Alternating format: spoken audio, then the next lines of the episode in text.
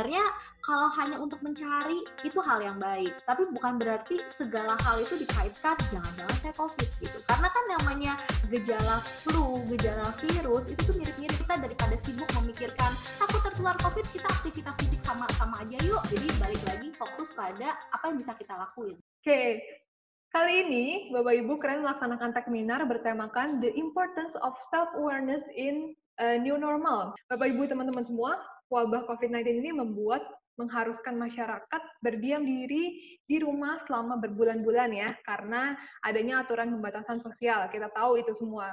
Tidak dapat dipungkiri, hal ini mempengaruhi kondisi secara fisik maupun mental. Studi terdahulu menunjukkan bagaimana keadaan masyarakat saat wabah serupa COVID-19, yaitu ini MERS. Mungkin teman-teman ada yang tahu ya, kemarin ya, yang dulu-dulu itu sempat tuh kejadian tuh yang MERS, menjangkiti beberapa wilayah di Timur uh, Tengah. Rupanya, banyak warga yang mengalami tekanan, gelisah, hingga depresi loh. Sedih banget ya memang dengarnya ya. So, sama nih sebetulnya situasinya kayak COVID-19 saat ini gitu ya saya yakin banget beberapa dari kita mungkin ya, pertama, pasti di rumah aja gitu ya. Di rumah terus, mau keluar takut gitu ya. Biasanya mungkin ke kantor atau ke kampus, sekarang di rumah aja. Oke, kita akan masuk langsung ke pertanyaannya. Hmm, oke. Okay. Oke, okay, pertanyaan yang pertama. Uh, di masa COVID-19 ini, terutama di awal-awal gitu ya, banyak orang ngerasa khawatir dan paranoid tertular wabah COVID-19 ini gitu ya. Banyak dari mereka merasakan gejala kesehatan dan melakukan self self diagnosis eh, self diagnosis ya dengan mencari informasi di internet biasanya kan. Bagaimana cara agar kita terhindar dari uh, gejala psikomatis semacam ini? Ya dari siapa dulu? Dari dokter dulu kali ya? Boleh dok? Oke, terima kasih Kak untuk pertanyaannya. Sebenarnya selama itu hal inform itu kan sesuatu informasi ya. Kita mencari mm-hmm. suatu penyakit terkait. Apa sih gejala COVID-19 itu sebenarnya poin yang baik untuk kita mengetahui karena itu suatu pengetahuan. Tapi balik lagi jangan menjadi psikosomatis dan kayak aduh jangan-jangan saya sakit ini ya, jangan-jangan saya sakit ini ya. Enggak, enggak, enggak. Ini kita harus lebih tahu dulu, oh benarkah saya sakit? Kayak gitu. Lebih tanya benarkah saya demam? Dan itu objektif ya. Biasanya kan gejala, uh, walaupun gejala itu bisa subjektif cuman kan pemeriksaan misalnya demam gitu kan. Covid kan rata-rata demam ya. Kan demam itu dikatakan demam 37,8 gitu kan ya. Nah kita kan bener nggak 37,8 apa jangan-jangan belum demam? Apa ini cuma ngerasa aja? Kayak gitu. Hmm. jadi sebenarnya kalau hanya untuk mencari itu hal yang baik tapi bukan berarti segala hal itu dikaitkan jangan-jangan saya COVID gitu. Karena kan namanya uh, gejala flu, gejala virus itu tuh mirip-mirip kak. Hmm, Kayak gitu. Yep, yep. Oke, siap. Thank you dokter untuk uh, jawabannya. Mungkin ada tambahan dari panelis lain mau, kalau mau menambahkan silakan. Uh, kalau dari aku sebenarnya aku selalu ngomong ke klien yang pengen nyari-nyari gejalanya gitu di internet, silahkan. Hmm. Misal kamu mendapatkan sesuatu dari nyari-nyari itu, nggak cuma cemas doang. Maksudnya dapat sesuatu tuh gimana tuh kak? Dapat sesuatu maksudnya dia jadi kenal sebenarnya. Uh, Oke, okay. dia bisa dia, dia bisa meng, meng, meng, meng, apa ya? Kalau saringan itu memfilter hmm. terkait informasi yang dia baca itu. Oke, okay, ini informasi yang saya baca. Hmm. seperti ini, mungkin gejala saya seperti ini, mungkin yang enggak seperti ini gitu loh. Jadi tapi bagi klien saya yang emang atau teman-teman yang memiliki tingkat kecemasan yang lebih tinggi, aku selalu berposisi untuk jangan. Saya bisa mungkin jangan buka, jangan cari, udah nggak usah. Ya, kalau kecemasannya sangat tinggi. Karena apa? Psikosomatis yang dari saya lihat adalah ketika kecemasan sangat tinggi dan dia tidak bisa untuk menanggulanginya sendiri. Hmm, Oke. Okay. Gejala fisik. Entah kalau secara hormonal seperti apa ya dok ya? Mungkin karena dia stres jadi kortisolnya meningkat sehingga hmm. kebutuhannya gimana gitu gitu kan gitu cuma posisi saya gitu kalau saya lihat dia sehat aja silakan cari oh masih bisa ini kan masih bisa di screening kalau nggak bisa jangan Oke, okay. thank you Kak Shibli untuk masukannya dari Karunnya atau Kak Muhar ini ada tambahan atau?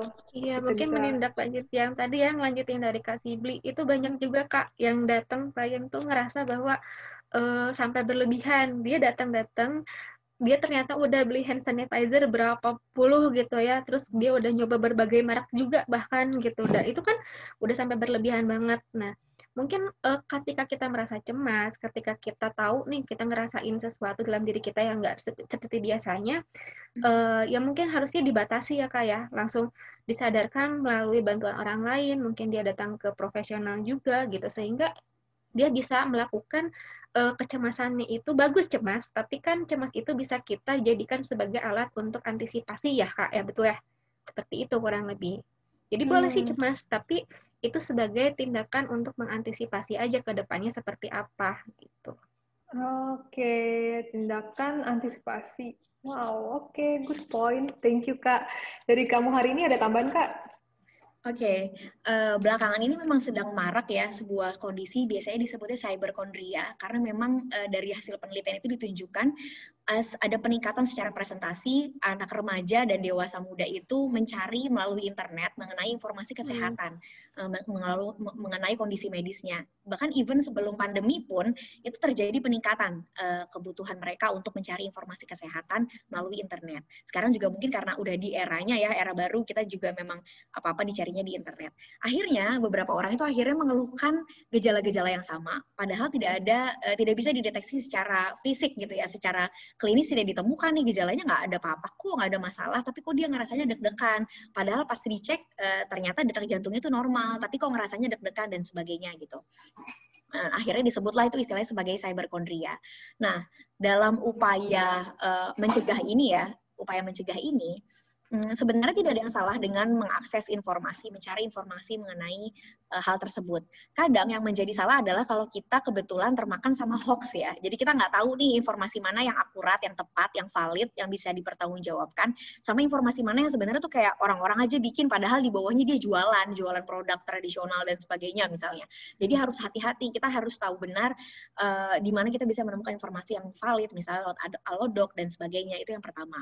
Yang kedua, uh, sama sih sama Kak Shibli, pastinya harus dibatasi terutama untuk orang-orang yang memang punya kecenderungan kayaknya saya uh, over nih kalau dalam uh, bereaksi atau uh, mengolah informasi terkait dengan kesehatan dan sebagainya. Ketiga adalah penting juga untuk dikomunikasikan. Halo, kamu hari ini? Karena kan kalau kita ibaratnya kayak ngafal ya, kalau ngafal itu kita terus ngafal, ngulang-ngulang, akhirnya itu menjadi menjadi uh, membentuk sebuah sinapsis terbentuk tuh akhirnya menjadi sesuatu yang nyata di dalam pikiran kita. Jadi kalau kita mengulang pikiran negatif terus menerus itu akan menjadi nyata bagi kita. Nah kalau hmm. kita talking terapi ya kita sampaikan ke orang lain tentang masalah kita itu bisa ngebantu sih sangat helpful banget buat kita bisa uh, lebih baik lagi kondisinya. Gitu. Hmm oke okay, oke okay. thank you juga insightnya kamu hari ini. Sip, kita lanjut lagi nih ke pertanyaan berikutnya karena masih banyak. Oke, okay, pertanyaan berikutnya. Uh, banyak mungkin orang yang merasakan kekhawatiran besar tentang wabah uh, eh, COVID-19 ini kapan gitu berakhirnya ya. Gimana sih tips untuk menghadapi mindset semacam ini gitu? Ini kan mungkin uh, kita ngeliat juga maksudnya keadaan di luar ini kayak COVID kok kayaknya udah naik terus turun terus naik lagi gitu kan ya e, pasti kan dari kita juga ngerasa aduh kapan nih selesai kapan ya mungkin bisa stres sendiri gitu kan ngebayanginnya nah gimana sih tips untuk menghadapi mindset semacam ini biar kita nggak nggak pusing terus gitu mikirinnya ada tips nggak gimana kira-kira Yuk, dari siapa dulu boleh yuk, silakan. Oh ya. Boleh, silakan. Rebutan, rebutan. okay. Oh, atau Mbak Aru ini mau duluan, nggak apa-apa? Enggak, tadi lanjutin aja deh. Kayaknya tadi Mbak Rini masih banyak materinya yang belum tersampaikan. Enggak sih, sebenarnya tadi tinggal satu slide terakhir. Uh, aku coba menjawab, insya Allah bisa singkat ya jawabannya.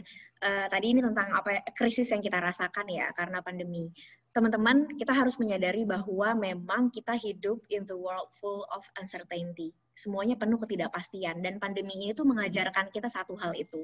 Nah, kenapa tadi saya minta duluan? Karena menurut saya jawaban yang paling praktis, yang paling cepat, yang paling yang bisa lah ya untuk membantu teman-teman untuk diaplikasikan di realitanya itu adalah mindfulness teman-teman. Dilatih dari sekarang mindfulness supaya kita sadar benar dengan apa yang kita lalui sehari-hari. Karena kenapa? Yang membuat kita cemas sama pandemi dan sebagainya adalah kekhawatiran tentang masa depan atau kekhawatiran tentang sesuatu yang belum terjadi. Kalau kita mindful, kita seperti membangun uh, fokus uh, kayak kayak microscope look gitu. Kita fokus sama yang terjadi hari ini. Kita udah belajar ya, dulu kita tidak menghargai gimana nikmatnya bernafas secara bebas dan sekarang di tengah pandemi kita baru sadar enak banget ya bisa nafas bebas kayak dulu, ke mana-mana enak, nikmatin, enjoy ke mall, nggak perlu takut ketularan dan sebagainya. Nah, penyesalan itu terjadi karena dulu kita nggak mindful. Kita dulu mengambil semuanya itu uh, seadanya aja, take it for granted. Nah, sekarang coba dong kita belajar untuk lebih mindful dengan apa yang masih kita nik bisa nikmati hari ini daripada kita fokus mencemaskan sesuatu yang belum terjadi di besok hari gitu. Terima kasih, boleh ditambahkan yang lain. Oke, silahkan Kak yang mau tambahin. Karuni dulu mungkin Kak mau tambahin, silakan. Enggak ada sepertinya udah cukup menjawab oh, udah ya. Cukup karena menjawab, ya. mindful itu benar-benar harus dilatih aja dari mindful itu udah paling praktis yang bisa aman dilakukan gitu sama semua orang. Nah, isi dari ini juga paling praktis dan cepat hmm. dan bisa dilatih hmm. segera. Udah udah diinin semua ya di wrap semua kamu hari ini ya. Oke, okay. kalau dari dokter ada tambahan dok? Uh, mungkin juga menambahkan hmm. jangan berfokus sama kapannya gitu, tapi fokus apa yang bisa aku lakuin di saat pandemi ini. Jadi hmm. solusi lagi. Jadi apa yang tadi mungkin kamu hari ini juga sudah banyak bahas ya, berfokus sama sekarang berarti hal apa yang bisa aku lakuin gitu. Oke, siap. Terima kasih untuk jawabannya. Wah, ini juga menginspirasi banget sih. Betul, aku setuju banget gitu. Syukuri dari hal-hal yang sekarang gitu ya, apa yang bisa dilakuin gitu ya. Kalau dulu, ya setuju banget poin tadi kayak dari kamu hari ini. Kayak kalau dulu tuh kita kayak ngerasa take it for granted semuanya gitu ya. Sekarang beda banget gitu ternyata. Oke, sip. Kita akan lanjut lagi untuk uh, pertanyaan berikutnya. Oke, ini uh, di sini mungkin ada ibu-ibu ya, para ibu-ibu yang sudah punya anak atau mami-mami muda. Ini pertanyaan cocok nih buat mami-mami muda. Oke, okay. seiring dengan meningkatnya pola work from home gitu ya, banyak ibu yang harus bekerja di rumah dan memiliki beban ganda karena sesekali harus mengerjakan pekerjaan rumah termasuk menemani anak juga gitu. Bagaimana sih sebaiknya untuk menjaga kesehatan mental dengan adanya kebiasaan baru seperti ini? Oke, silahkan dulu ya. Uh, pertanyaannya adalah bagaimana cara apa tadi kak? Menjaga kesehatan mental dengan adanya kebiasaan baru seperti ini. Hmm, apalagi tadi uh, ibu-ibu yang berperan ganda ya, dia hmm. mom, working mom juga, kemudian juga ngurusin anak yang PJJ kali gitu ya. Nah, caranya kita untuk menjaga kesehatan mental. Mungkin gak hanya untuk ibu-ibu aja ya justru mungkin para ayah yang juga mendampingi istri dan membantu istri untuk menangani anak-anak juga itu sama stresnya gitu. Karena mungkin para ayah juga nggak terbiasa kan dengan menghadapi anak gitu dengan uh, apa segala kelincahannya aktifnya gitu. Apalagi kalau misalnya ayah ini gimana? Aku pelajarannya nggak ngerti minta tolong ya misalnya. Nah, sama-sama ini semuanya uh, mungkin lebih universal ya cara menjaga kesehatan mental itu seperti apa sih? Nah, yang pertama bisa dilakuin oleh teman-teman para ibu, para ayah. Yang pertama adalah pelihara dulu kehidupan sosialnya. Jadi uh, buat keterhubungan buat diri kita terhubung dengan orang lain, baik itu mungkin teman di kantor juga bisa, kemudian mungkin saudara, mungkin sahabat, teman, dan mungkin ketika pasangan yang berada jaraknya jauh gitu ya.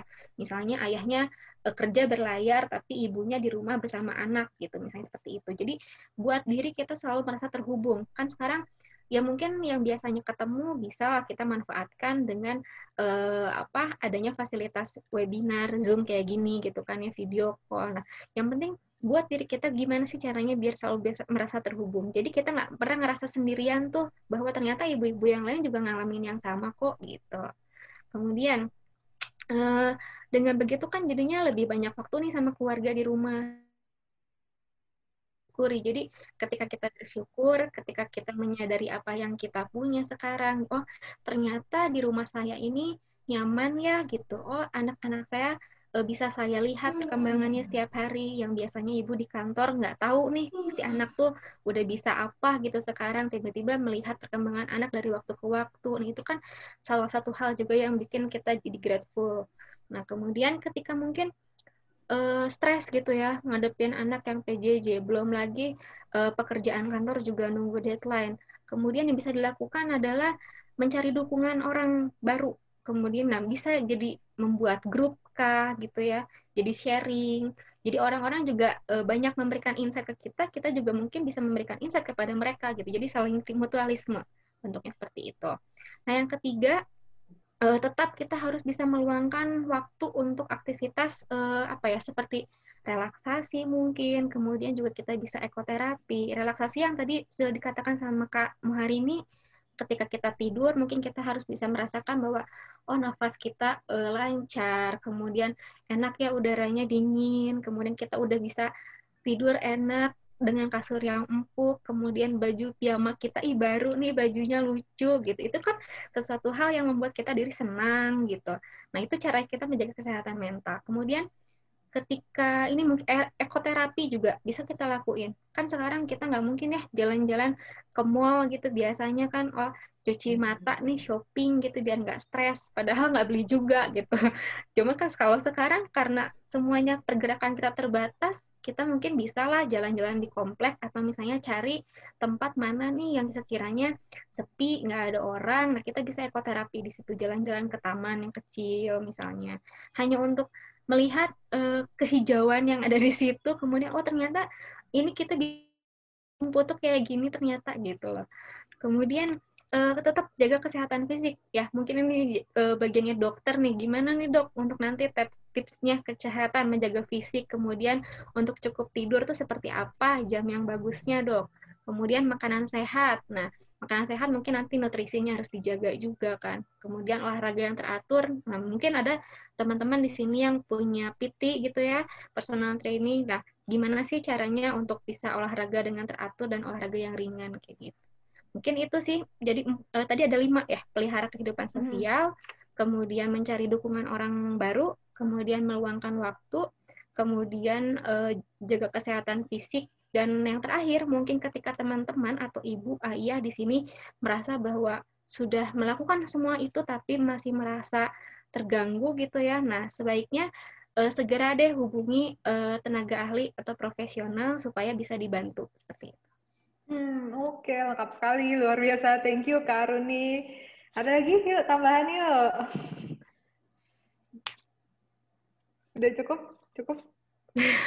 ayo dong tambahin. Aku, aku, aku, aku nambah satu aku nambah ya, satu. boleh. Ya boleh kak. Ayo. Uh, itu kan tipsnya tadi banyak ya dan bener hmm. banget. Itu praktis sangat bisa diterapkan. Tapi satu teman-teman yang paling dibutuhkan adalah willingness dan readinessnya. Hmm. jadi pertama-tama diterima dulu diakui dulu kalau memang saya lagi stres kalau saya benar-benar udah frustasi saya exhausted dan sebagainya diterima hmm uh, diakui kemudian diterima baru yang lainnya bisa dijalanin. Karena tipsnya ada banyak tapi belum tentu kita akhirnya tuh punya willingness gitu untuk mau melakukannya. Jadi di awal-awal akui dan terima dulu. Itu aja. Hmm oke okay, oke. Okay. thank you kak Mu hari ini juga untuk uh, insight-nya. Sip kita akan lanjut lagi untuk uh, pertanyaan berikutnya. Oke okay, pertanyaan berikutnya adalah Hmm, oke. Okay. Saat ini gitu ya, karena keterbatasan pertemuan tatap muka, banyak diciptakan sebetulnya sekarang banyak aplikasi kayak self-assessment COVID-19 untuk membantu deteksi dini gejala wabah tersebut gitu ya. Bagaimana tanggapan, ini lebih ke dokter sih kayaknya, tanggapan dokter dalam melihat hal ini dok. Jadi kan sekarang banyak nih ya kan eh, aplikasi-aplikasi gitu ya untuk mendeteksi segala macam. Kira-kira gimana dok? Eh, makasih Kak untuk pertanyaannya kalau dari aku sendiri selam, mungkin aplikasi secara kayak ada klik dokter, halo dokter, hmm. itu kan suatu yang terhubung dengan dokter ya. Itu hmm. hal yang baik, itu kan suatu bentuk bahwa uh, pelayanan kesehatan itu bersif, bersikap dinamis ya dengan perubahan-perubahan yang ada. Jadi kita hmm. berusaha pun uh, untuk um, apa melihat masyarakat butuhnya apa dan kita berusaha untuk uh, memudahkan teman-teman supaya oh ya bisa ke dokter. Cuman balik lagi jangan sampai aplikasi tersebut malah uh, misalnya yang kurang evidence base-nya atau kurang terpercaya misalnya dari kok kata WA kata grup WA harusnya gejalanya seperti ini ya jangan sampai itu mengalahkan jadi keke keke bahasanya kalau kata grup WA COVID tuh hmm. soalnya dengan batuk aja tuh COVID ya gitu-gitu jangan sampai maksudnya uh, segala informasi yang kita dapat dengan mudah malah kita nggak saring jadi tidak terevidence base itu aja sih Hmm, oke. Okay. Thank you dokter untuk jawabannya. Kita akan lanjut lagi pertanyaan berikutnya. Oke, okay, untuk pertanyaan berikutnya. Hmm, tadi sempat mungkin disampaikan hmm, waktu presentasi gitu ya, sosial media gitu. Mungkin bisa dibilang jadi salah satu faktor yang bisa bikin uh, apa ya uh, orang tuh mungkin tambah panik gitu ya gara-gara sosial media gitu. Contoh misalnya ya dapat dari grup WhatsApp misalnya informasi-informasi yang belum tentu betul gitu ya. So pertanyaannya adalah kapan sih detox media sosial perlu dilakukan dan gimana cara yang tepat untuk memulai dan uh, membiasakannya? Gitu. Mungkin dari Kashibli dulu mau memberikan Oke. Okay. silakan. Uh, untuk menghilangkan 100% sosial media, aku melihat itu sesuatu yang kayak realistis sih sekarang ya Hmm. 100% enggak lah. Jangan-jangan berkomitmen kayak gitulah kalau emang nggak bisa. Cuma aku selalu ngomong kayak gini tentang sosial media. Aku tuh salah satu bentuk terapi yang aku berikan untuk orang yang memiliki kecemasan tinggi adalah aku selalu oke, okay, kita berkomitmen nggak buka sosial media ya satu minggu dua minggu dulu. Lihat hmm. efeknya gimana, kamu siap untuk balik lagi ke sosial media atau enggak. Indikatornya apa? Indikatornya ini ini harus harus konseling sih biar pas ya, biar pas tapi coba direfleksikan aja. Kalau saya buka sosial media, muncul tuh semua gejala emosi negatif. Bukan cuma emosi negatif, tapi mengganggu juga. Gitu. Sebenarnya itu aja satu. Kalau emang udah selalu buka sosial media, saya melihat teman saya kok seperti ini ya, kok ini menakutkan ya, kok ini seperti ini ya. Dan ini harus spesifik. Karena banyak orang yang aktif di Facebook, beda tuh dinamikanya Facebook sama Instagram tuh beda. Dinamikanya WhatsApp sama lain beda gitu. Hmm. Sosial media yang mana sih yang mesti saya inactivate dulu? Kalau hmm. di kalau di WhatsApp kan kita udah left group. Aku left group dua keluarga besar. Aku left group nggak ikut. Nggak izin aku left group grup keluarga karena menurut saya ini nggak sehat. Berantem hmm. mulu masalah politik, masalah gubernur, masalah covid nggak jelas kan. Terus semuanya hoax. Jadi aku keluar. Gitu. Hmm. Keluar aja kalau misalnya itu mengganggu karena WhatsApp kan nggak mungkin kita nggak pakai masa mau balik lagi ke SMS hello 2020 iya iya iya WhatsAppnya mungkin kalau WhatsApp mungkin bisa untuk dijalankan terus cuma beberapa grup mungkin kamu bisa leave gitu atau bagi ada satu orang teman saya juga yang selalu ngirimin ngirimin ngirimin broadcast terus kan akhirnya saya minta tolong untuk boleh nggak saya nggak dikirimin dulu buat satu dua minggu ini deh hmm. itu melatih saya dulu nggak kayak gini saya orangnya nggak straight kayak gini ya cuma dengan memberanikan diri untuk asertif itu membantu saya juga untuk membentuk batasan di orang yeah, lain. Yeah. Di Instagram hmm. ini ini beda-beda ya. Di hmm. Instagram kita bisa untuk hide dulu orang-orang yang menurut kamu biasanya satu dua orang spesifik tuh atau mungkin semua kita hide aja kita kita sembunyikan aja dari story gitu misalnya atau mungkin Instagram yang mau dihapus full di Twitter tuh lebih gampang kan tinggal like tinggal retweet seribu orang udah percaya sama satu hal itu karena satu tombol tit gitu doang. Ya udah hmm. berarti yang mesti ditarik gitu. Karena ini nggak realistis untuk kita selama-lamanya melakukan ini ya. Aduh, gue balik lagi ke Twitter kapan ya. Kapan pun itu ketika kamu merasa ready. Tapi aku mengusahakan kita berpuasa sesegera mungkin ketika emang udah nggak enak banget nih rasanya saya pengen lagi sendiri sesegera mungkin dengan waktu aku kasih aja 21 hari dua komitmen aja dulu 21 hari komitmen aja dulu itu setelah itu kamu balik lagi atau enggak itu pilihan kamu. Kamu mau bikin komitmen baru, saya bisa nih 21 hari, tambah kali ya satu bulan. Gitu. Kan kontrak hmm. ya, kita hidupkan kontrak, jangan ya nggak usah hmm. kaku, saya nggak harus putus sosial media, nggak usah kaku kayak gitulah. Itu bikin kita nggak fleksibel secara psikologis sebenarnya. Hmm. lebih ke, saya mau satu tahun, saya mau enam bulan, silahkan. Hmm. Sedikit lanjutan mungkin Kak, uh, sejauh mana sih kira-kira seseorang itu perlu detox uh, sosial media gitu? Karena jujur ini kalau misalnya dari saya nih, saya nggak pernah bisa dibilang hampir nggak pernah ngelakuin detox sosial media. Maksudnya se sejauh mana gitu seseorang itu perlu detox sosial media? ketika dia membuka sosial media dan dia merasa terganggu dengan itu, tapi masih memaksakan diri untuk terus membuka sebenarnya. Hmm. Ya, detox kan kita sejauh mana saya mau berhenti makan ayam ya kalau kamu makan ayam kamu sakit terus kamu berhenti dulu gitu sama Hmm. sosial media juga gitu sebenarnya utamanya itu sih Vera kalau nggak mau detox sosial media nggak usah kalau nggak butuh nggak usah aku masih Oke. main-main aja kadang macam masih bisa aku tanggulangi cemasnya nggak usah gitu Oke, Sebentar. oke. Siap, thank you Kak Shibli untuk eh, jawabannya. Ada lagi mungkin tambahan? Dari kamu hari ini, Kak Aruni atau dokter? Aku aku. Siap, boleh. Eh, gini teman-teman, prinsipnya detox itu adalah tentang keseimbangan ya, mencapai kembali keseimbangan. Jadi yang paling utama adalah konsistensi, bukan durasinya. Jadi bukan yang kita paksakan di awal eh, seminggu gitu ya, kita nggak sama sekali bermain sosial media, tapi kemudian kita akan kembali lagi ke jadwal yang sama.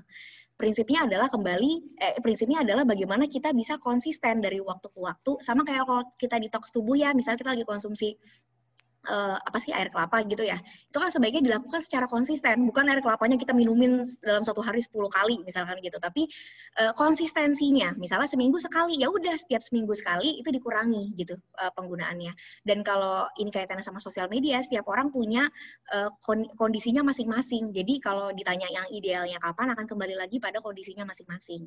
Kalau di prinsip behavioral activation ya kalau kita memodifikasi perilaku orang yang paling penting adalah ditanyakan ke orangnya. Cari titik awal di mana tidak terlalu berat bagi kamu, tapi juga tidak terlalu mudah bagi kamu. Karena kalau terlalu mudah, kita jadi kurang mengapresiasi diri kalau kita berhasil, dan kalau terlalu sulit, kita akan kayak capek duluan, kayak aduh kayaknya nggak bisa deh, pesimis duluan. Jadi yang paling tepat untuk modifikasi perilaku itu adalah dimulai dari yang di tengah-tengah, dan standarnya itu akan kembali lagi, masing-masing orang-orang berbeda, kembali ke kondisinya mereka masing-masing. gitu. Jadi yang paling utama adalah konsistensi, kemudian yang kedua dicek eh, kondisinya masing-masing saat ini ada di posisi apa dan eh, dicarinya adalah yang tidak terlalu sulit dan tidak terlalu mudah dimulainya di situ baik durasi frekuensi atau apa pun itu bentuknya terima Hmm, kasih Oke, thank you juga Kak Muharini untuk eh, masukannya, insight-nya.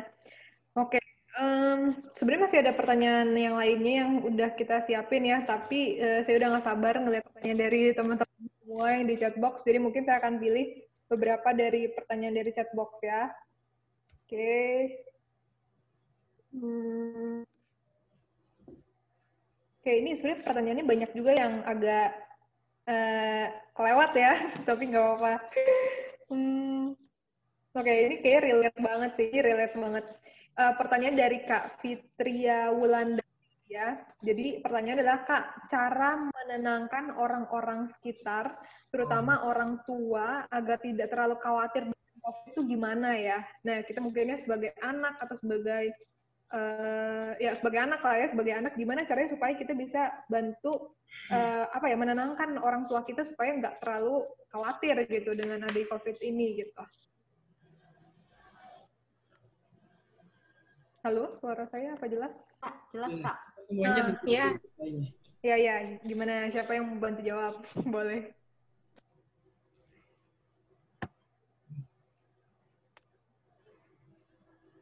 Oke kak, kalau nggak dari aku dulu deh kak. Aku Boleh, mau bantu boleh. jawab cara menenangkan orang tua ya. Memang eh, nggak di- nggak dipungkiri, especially untuk usia lanjut itu risiko lebih tinggi, ya kan Hmm. ya.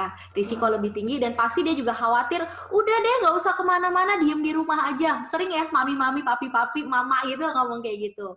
Tapi gimana pun kayak di usia produktif pasti akan ada kegiatan-kegiatan yang yang nggak bisa kita hindari lah yang harus kita keluar bukan cuma sekedar nongkrong nongkrong gitu ya tapi ya memang eh, ada beberapa kegiatan yang di usia produktif memang harus kita keluar ya bagaimanapun berusaha menjelaskan kepada orang tua emang ini sesuatu yang kewajiban yang harus dilakukan. Nggak bisa maksudnya sudah berusaha eh, Pak mah ini sudah sesuatu yang aku udah berusaha untuk tidak melakukan tapi ya gimana ini tanggung jawab aku? Itu yang pertama. Terus yang kedua eh, ya walaupun aku keluar, aku tetap menggunakan protokol kesehatan kok kayak gitu. Jadi memang hmm, konsep tersebut pasti akan sulit kepada orang tua, tapi berusaha dijelaskan bahwa memang kita tetap menjalankan protokol kesehatan walaupun memang keluar rumah kayak gitu. Terus yang ketiga, bagaimana dia nggak cukup puri kepada orang tua, daripada sibuk aduh takut tertular atau takut tertular bagaimana kalau kita sama-sama ya udah yuk uh, ajak orang tuanya itu untuk meningkatkan daya tahan tubuh dengan cara yang sehat gitu ya udah uh, ya ibu kan daripada takut daripada takut terkena COVID, gimana kalau kita meningkatkan daya tahan tubuh? Kita bareng-bareng yuk sama. Gimana caranya? Yuk kita makan gizi lengkap seimbang kayak gitu. Kita dengan makan gizi lengkap seimbang, kita makan sayur, makan buah, protein, semuanya kan kebutuhan itu terpenuhi, ya otomatis kan e, daya tahan tubuh kita akan lebih baik. Ya udah yuk kita daripada sibuk memikirkan takut tertular COVID, kita aktivitas fisik sama-sama aja yuk gitu. Jadi balik lagi fokus pada apa yang bisa kita lakuin gitu kak. Hmm, oke. Okay. Thank you dokter untuk jawabannya. Semoga tadi terjawab ya. Ada lagi tambahan dari kakak-kakak yang lain? Kak Aruni, Kak Shibli, atau Kak Amu hari ini? Uh, iya, pasti sih dijelasin ya, dok ya. Itu harus banget dijelasin dengan sangat komprehensif. Aku coba deh satu pertanyaan ini mungkin bisa bantu. Apa yang bisa saya lakukan buat bikin mama papa tenang di sini? Itu pertanyaan yang bisa membantu sebenarnya kan yang dibutuhin orang tua tuh kalau dari pengalaman aku dia butuh sesuatu atau jawaban yang apa ya yang kita kita bisa berkontribusi di situ. Kalau emang kita berkontribusi ya kita satu rumah ya. Jadi kita bisa menanyakan apa yang bisa saya lakukan ya ma biar mama tenang. Ini aku mikirin kondisi orang tua yang cemas banget nih.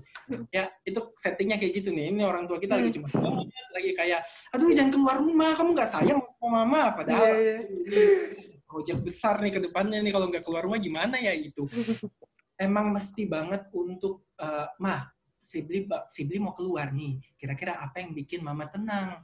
Biar kalau Sibli keluar mama masih bisa tenang gitu.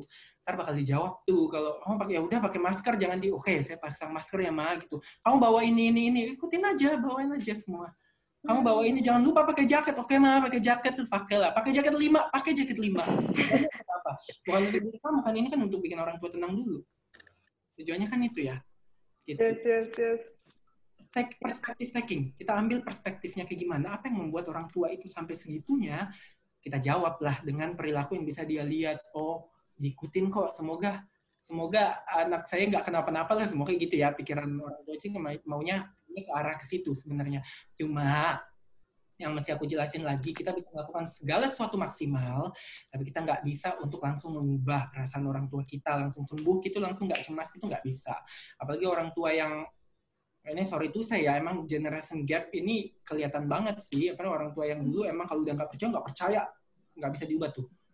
Tapi kita bisa meminimalisasi atau bisa melakukan sesuatu yang paling nggak membuat tenang sesedikitnya gitu bisa. Jadi ya berempati lah sama orang tua terus lakukan apa pun yang bisa kita lakukan tapi kita nggak bertanggung jawab sepenuhnya ke emosinya. Selama kita tahu yang penting mama saya masih sehat dia mah pasti bakal cemas sih. Nggak mungkin sih nggak cemas yang penting masih sehat sediain makanan sediain apa pun yang dibutuhkan. Oke okay. hmm. Oke okay. thank you Kak Shibli good point. Menarik. Bisa dipraktekkan biar orang tua nggak panik betul. Oke okay, uh, eh, ada lagi mungkin tambahan sedikit aja mungkin ya mau nambahin dari Kak Subi yang tadi. Selain kita ngambil persepsi dari orang tua kita bahwa orang tua kita cemas tentang uh, keberadaan kita di luar tuh gimana sih nih anak nanti pakai masker atau enggak jaga jarak apa enggak kumpul-kumpul nggak jelas apa enggak gitu ya. Kemudian yang bisa kita lakukan mungkin setelah kita memperlihatkan gitu ya ya tadi kasih dibilang wah pakai jaket lima pakailah dulu kita ngikutin keinginan orang tua apa. Tapi setelah itu mungkin kita juga bisa loh ngasih tahu mereka dengan cara bahwa e, ma tadi aku keluar rumah. Terus aku tuh melihat orang-orang tuh ternyata semuanya pada pakai masker. Nah itu tuh bisa menenangkan juga gitu. Kemudian kayak kalau aku sih ngerasanya kayaknya aku cukup deh pakai masker aja. Terus aku selalu kok cuci tangan kayak gitu. Jadi kita juga apa ya memberitahu gitu ya apa sih uh, yang kita alami di luar sana gitu. Jadi orang tua tuh lebih kebayang biasa jadi lebih terbukti lah. Itu jadi bukti gitu bagi dia bahwa oh ternyata anak saya benar-benar melakukan protokol kesehatan dan bagi dia itu sudah cukup gitu dengan menggunakan jaket satu aja atau pergi uh, tanpa kumpul-kumpul sama orang lain kayak gitu. Gitu sih Kak, nambahin sedikit aja. Hmm. Oke, okay, thank you juga Kak Runi untuk masukannya. Sip, kayaknya kita lanjut ke pertanyaan berikutnya kali ya. Oke, okay. okay, kita lanjut ke pertanyaan berikutnya. Um, Oke, okay. pertanyaan ini dari Kak Elviana Wijayanti. Izin bertanya, tadi dokter menjelaskan untuk menghindari melihat orang lain move ke kegiatan yang lebih positif. Namun, jika rasa insecure karena melihat orang lain muncul di luar alam sadar kita yang tiba-tiba tidak sengaja, bagaimana ya dok? Lalu tiba-tiba mood baik jadi hilang deh. Gimana ya dok kalau itu? Uh, bisa dipahami nggak dok kira-kira soalnya? Uh, jadi dia mau melakukan sesuatu tapi nggak pede gitu ya, karena ada orang yang merusak moodnya jadi kayak gitu bukan ya maksudnya? Um, kayaknya sih bukan sih, lebih ke uh, menghindari melihat orang lain move ke kegiatan yang lebih positif. Hmm, mungkin ini saya nggak paham ya, mungkin ini ada kaitannya sama sosial media, media kali ya. Uh, dia ngeliat sesuatu yang positif. Namun jika rasa insecure karena melihat orang lain muncul di luar, oh misalnya dia nggak ngeliat lah, udah nggak ngeliat dok, terus tiba-tiba, oh ini kepikiran nih, tiba-tiba out of nowhere, tiba-tiba kenapa jadi muncul gitu, muncul dan kayak ngerusak mood gitu, mungkin kayak gitulah ya. Nah itu kira-kira ada saran nggak dok kira-kira harus kayak gimana gitu kalau tiba-tiba out of nowhere itu tiba-tiba muncul gitu oke okay. out of nowhere kayak energi energi energi energi negatif gitu ya kayak ya? tiba-tiba muncul yeah, jadi yeah, bikin yeah. aduh males ngapa-ngapain Nah, kalau yeah, saran, yeah, yeah. saran dari aku, tetap energi setiap orang pasti punya energi dan energi itu bersifat kekal ya. Itu dari dulu zaman-zaman kita belajar energi itu nggak bisa dihilangkan. Nah, menurut hmm. aku ya udah daripada energi-energi itu tiba-tiba nih kepikiran sebel banget nih tadi dia aku bilang apa misalnya di sosial media uh, aku di dislike atau aku di remove atau apalah gitu ya yang bikin jadi insecure daripada kita mikirin itu uh, alihkan energi kamu untuk melakukan hal lain. Misalnya, contoh dengan dengan webinar kayak gini, ya kan? Ngedengerin kamu hari ini 10 menit yang tadi. Itu kan untuk untuk yang uh, ketika kita mendengarkan sesuatu, masa sih maksudnya energi-energi tersebut masih ada, kita alihkan dengan kita mendengarkan webinar atau kita alihkan dengan menulis misalnya menulis puisi gitu loh atau kita alihkan dengan kita uh, bermain musik. Karena biasanya kalau misalnya belum dicoba kayak memang hmm, ketika udah tiba-tiba nih some out nowhere jadi tiba-tiba sebel ya. Terus kita nggak ngapa-ngapain. Udah males nggak ngapa-ngapain. Akan terus aja kayak gitu sih energinya itu masih ada. Cuman hmm. coba deh, kita lakuin aja dulu. Lakuin dulu apa sih yang kita senang, lakuin dulu aja kegiatan apa sih. Percaya deh kalau hanya kita udah coba ngelakuin sesuatu kegiatan, kita coba start, energi tersebut dan perhatian tersebut akan akan alih gitu berubah. Kira-kira nangkep gak ya Bang, mungkin dari dari, dari kakak-kakak boleh ditambahkan? Yap, yap boleh. Yang mau menambahkan silakan. Uh, aku coba ya. Yang tiba-tiba muncul. Hmm, boleh boleh. Uh, kalau aku mungkin mau mengoreksi cara ini Mas Firdaus yang nanya ya. Tadi aku lihat di kolom chat. Uh, saya aku mau mengoreksi cara Mas Firdaus mengintrospeksi diri. Uh, aku mau highlight ya kalimat di sini disampaikan bahwa uh, Mas Firdaus butuh untuk melihat bagaimana pencapaian orang lain supaya akhirnya terdorong untuk lebih baik lagi dirinya sendiri. Jadi itu sesuatu yang tidak bisa dihindari. Mengecek atau mencari tahu tentang kondisi orang lain, pencapaian orang lain itu sesuatu yang tidak bisa dihindari karena itu bagian dari upaya introspeksi diri. Nah, yang mau aku koreksi di sini adalah introspeksi diri terbaik adalah dengan melihat diri kita yang sebelumnya, bukan orang lain. Karena semua orang punya uh, apa ya, waktunya masing-masing. Kalau misalnya Mas Firdaus tetap menjadikan orang lain sebagai uh, patokan gitu ya dalam mengoreksi diri sendiri, maka uh, selamanya akan terus merasa tidak cukup gitu karena kita pertama-tama nih kita mulai di starting point kita berbeda pasti sama orang lain. Ditambah mungkin orang lain punya privilege sementara kita nggak punya gitu kan. Atau ada kondisi khusus yang orang lain bisa miliki yang membantu mereka mencapai sesuatu kita enggak. Jadi cobalah kalau mau introspeksi diri itu fokusnya ke kita yang dulu bukan ke orang lain. Kita yang sebelumnya bagaimana saat ini kita bagaimana. Itu kata aku sih itu yang paling penting kalau kita mau memastikan kita nggak terbawa energi negatif karena kita compare diri kita ke orang lain dan ngerasa kurang gitu dibandingin sama orang lain. Aku mesti hmm. bilang kayak gini sebenarnya. Tadi banyak tuh ya, mindfulness, terus kepercayaan diri, terus refleksi diri, introspeksi. Aku mesti bilang itu semua adalah skill untuk mengembangkan skill itu yang tujuannya kan bikin kesehatan mental kita lebih baik lagi ya untuk kita bisa produktif dan beradaptasi lebih baik lagi untuk meningkatkan itu emang kita butuh untuk usaha usaha kita untuk melihat lagi usaha kita untuk merefleksi lagi usaha kita untuk uh, apa untuk untuk melakukan mindfulness, untuk mengenal lagi diri kita itu semua adalah usaha gitu sebenarnya. Itu bukan sesuatu yang udah ada di diri kita gitu. Aku mesti ngomongin itu biar kita sekarang ingin start jadinya. Emang iya sih, emang kita nggak bisa mengontrol di luar bakal kayak gimana, tapi yang bisa kita kontrol adalah bagaimana sih proses saya berpikir ke depannya biar saya bisa beradaptasi lebih baik lagi. Apa sih usaha yang saya lakukan? Apakah saya harus nulisin dulu kah? Karena kalau saya mikir-mikir sendiri, ini mau introspeksi sulit mungkin ya. Ya mungkin dengan tulisan bisa dibantu. Atau mungkin dengan rekaman suara. Saya lagi merasa gini-gini gini. Habis itu dengar. Jadi nulis itu bukan cuma untuk rilis emosi, tapi untuk kita mengenali, biar kenal kan kita baca lagi gitu gitu ya. Kita kenali lagi apa sih yang saya tulisin satu minggu ini apa sih yang saya apa di di, di kalau saya sih biasanya di Instagram aku lihat lagi tuh archive semuanya. Gue habis ngepost apa aja ya gitu selama ini ya. Itu kan bisa membuat kita stres pasti. Pasti kita jadi emosi negatif pasti ada itu tapi itu bagian dari introspeksi yang bakal kita lakukan. Itu biar kita bisa bisa beradaptasi lebih baik dan emosi kita bisa lebih stabil dalam kondisi yang sangat amat tidak menyenangkan gitu kan nantinya. Hmm, oke, okay. siap. Terima kasih Kak Shibli untuk poskonnya juga. Oke, okay, uh, eh, oh iya Bapak Ibu teman-teman semua, karena waktu juga udah sebentar lagi udah mau berakhir ya panel discussion. Untuk itu saya juga akan membuka kesempatan buat Bapak Ibu teman-teman semua yang mau bertanya langsung nantinya. Yuk boleh nanti uh, gunakan aplikasi uh, apa raise hand di sebelah kanan bawah ya itu kanan bawah itu pojok itu ada uh, resen ya. Jadi yang mau nanya, yuk boleh uh, resen sekarang. Nanti aku akan bantu untuk unmute supaya nanti bisa nanya langsung ke speakernya ya. Oke, okay? yuk yang mau boleh silakan di resen dari sekarang. Oke, okay, mungkin sambil nunggu sambil nunggu uh, ada yang resen gitu ya. Aku ambil satu soal lagi deh. Oke. Nah, pertanyaannya ini dari Kak Giovanni ya. Pertanyaan dari Kak Giovanni, halo, saya ingin bertanya, jika seandainya saya telah menyadari nih, eh ada, yaudah deh, langsung ini aja, Kak Ahmad dulu. Kak Ahmad kita bantu ya, sebentar. Oh, eh tunggu. Ini lagi. Yuk, Kak Ahmad, silahkan di ini, siap, boleh.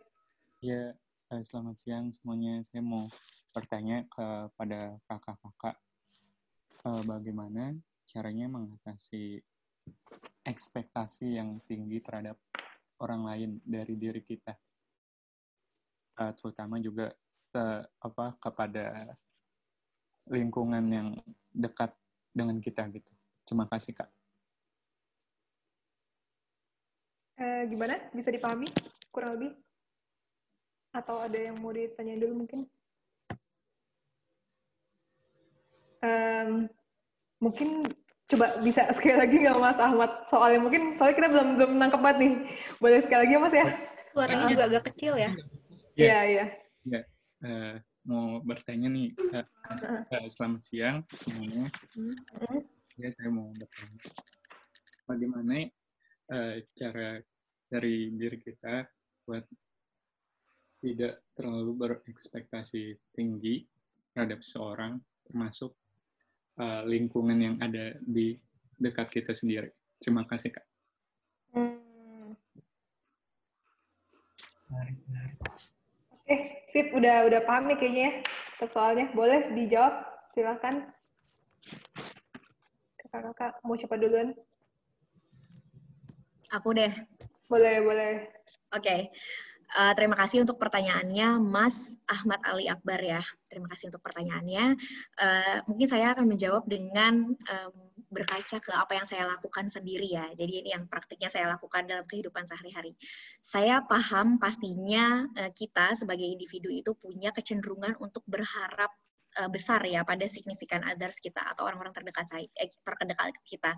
Contohnya misalnya saya nih, saya nikah tiga tahun yang lalu, saya punya ekspektasi ekspektasi besar pastinya pada suami saya harus bagaimana dan bagaimana kan. Dan ternyata dalam perjalanannya pastinya banyak ekspektasi yang miss tuh, akhirnya kelewat nggak sesuai dengan harapan saya dan sebagainya. Semakin lekat hubungan emosional kita, semakin besar kita merasa punya hak untuk membangun ekspektasi kepada orang tersebut. Hmm. Nah, akhirnya uh, salah satu cara saya untuk bisa mengatasi konflik ini dengan pasangan adalah pertama dengan self disclosure. Kita membuka diri dengan pasangan kita. Saya biasa tuh melakukan yang namanya uh, pillow talk ya, entah uh, di malam hari sebelum tidur ngobrol berdua ngomongin soal uh, Mas sebenarnya aku tuh berharapnya tadi begini loh. Jadi self disclosure sampaikan karena kode-kode apa pun itu tuh nggak belum tentu akan bisa disa, uh, akan bisa tersampaikan sepenuhnya ke orang lain ya. Jadi self disclosure adalah cara paling utama untuk bisa menyamakan persepsi kalau ternyata oh pasangan saya atau teman saya atau siapa pun ya signifikan other saya itu punya harapan sebesar ini loh sama saya gitu. Nah, itu perlu uh, pertama caranya itu adalah self disclosure. Yang kedua adalah kita yang kalau udah self disclosure kita yang mendengarkan kita yang mendengarkan secara aktif kita yang mendengarkan secara empatik dari sudut pandang orang lain. Oh, ternyata dia tidak melakukan itu karena dia punya cara sendiri, misalnya untuk mengekspresikan rasa sayangnya. Nah, kalau kita tidak mendengarkan secara efektif, secara aktif ya, kita akan uh, cenderung menggunakan mode mempertahankan diri. Jadi kalau misalnya pasangan kita ngasih penjelasan, kita akan menganggap itu excuse. Kita akan menganggap ah kamu mah ngomong kayak gitu bela diri aja gitu. Nah, kita harus belajar mendengarkan secara empatik, tahu persis posisi dia di kaki dia menjadi menjadi diri dia dan ada di, di menggunakan sepatu dia gitu ya seperti apa rasanya sehingga feedback yang mereka sampaikan bisa kita cerna gitu. Dan akhirnya dari proses komunikasi yang deep itu tadi ya deep conversation uh, antara kita dengan significant others kita itu bisa ngebantu kita untuk akhirnya nanti uh, lebih uh, apa ya berhati-hati dalam berekspektasi. Karena yang perlu kita pahami bahwa kita nggak bisa ngontrol bagaimana orang lain harus berperilaku. Kita yang beradaptasi di sana. Sama juga halnya dia juga akan beradaptasi dengan caranya kita gitu. Jadi dengan memahami prinsip itu kemudian menerapkan uh, self disclosure dan juga kita mendengarkan secara aktif atas feedback yang disampaikan itu akan lebih baik gitu kita akhirnya uh, menjalin hubungan relasi yang berkualitas tanpa memupuk ekspektasi yang terlalu berlebihan itu terima kasih hmm oke okay. terima kasih kamu hari ini ada tambahan Kak Shibli, dokter atau uh, Kak Aruni?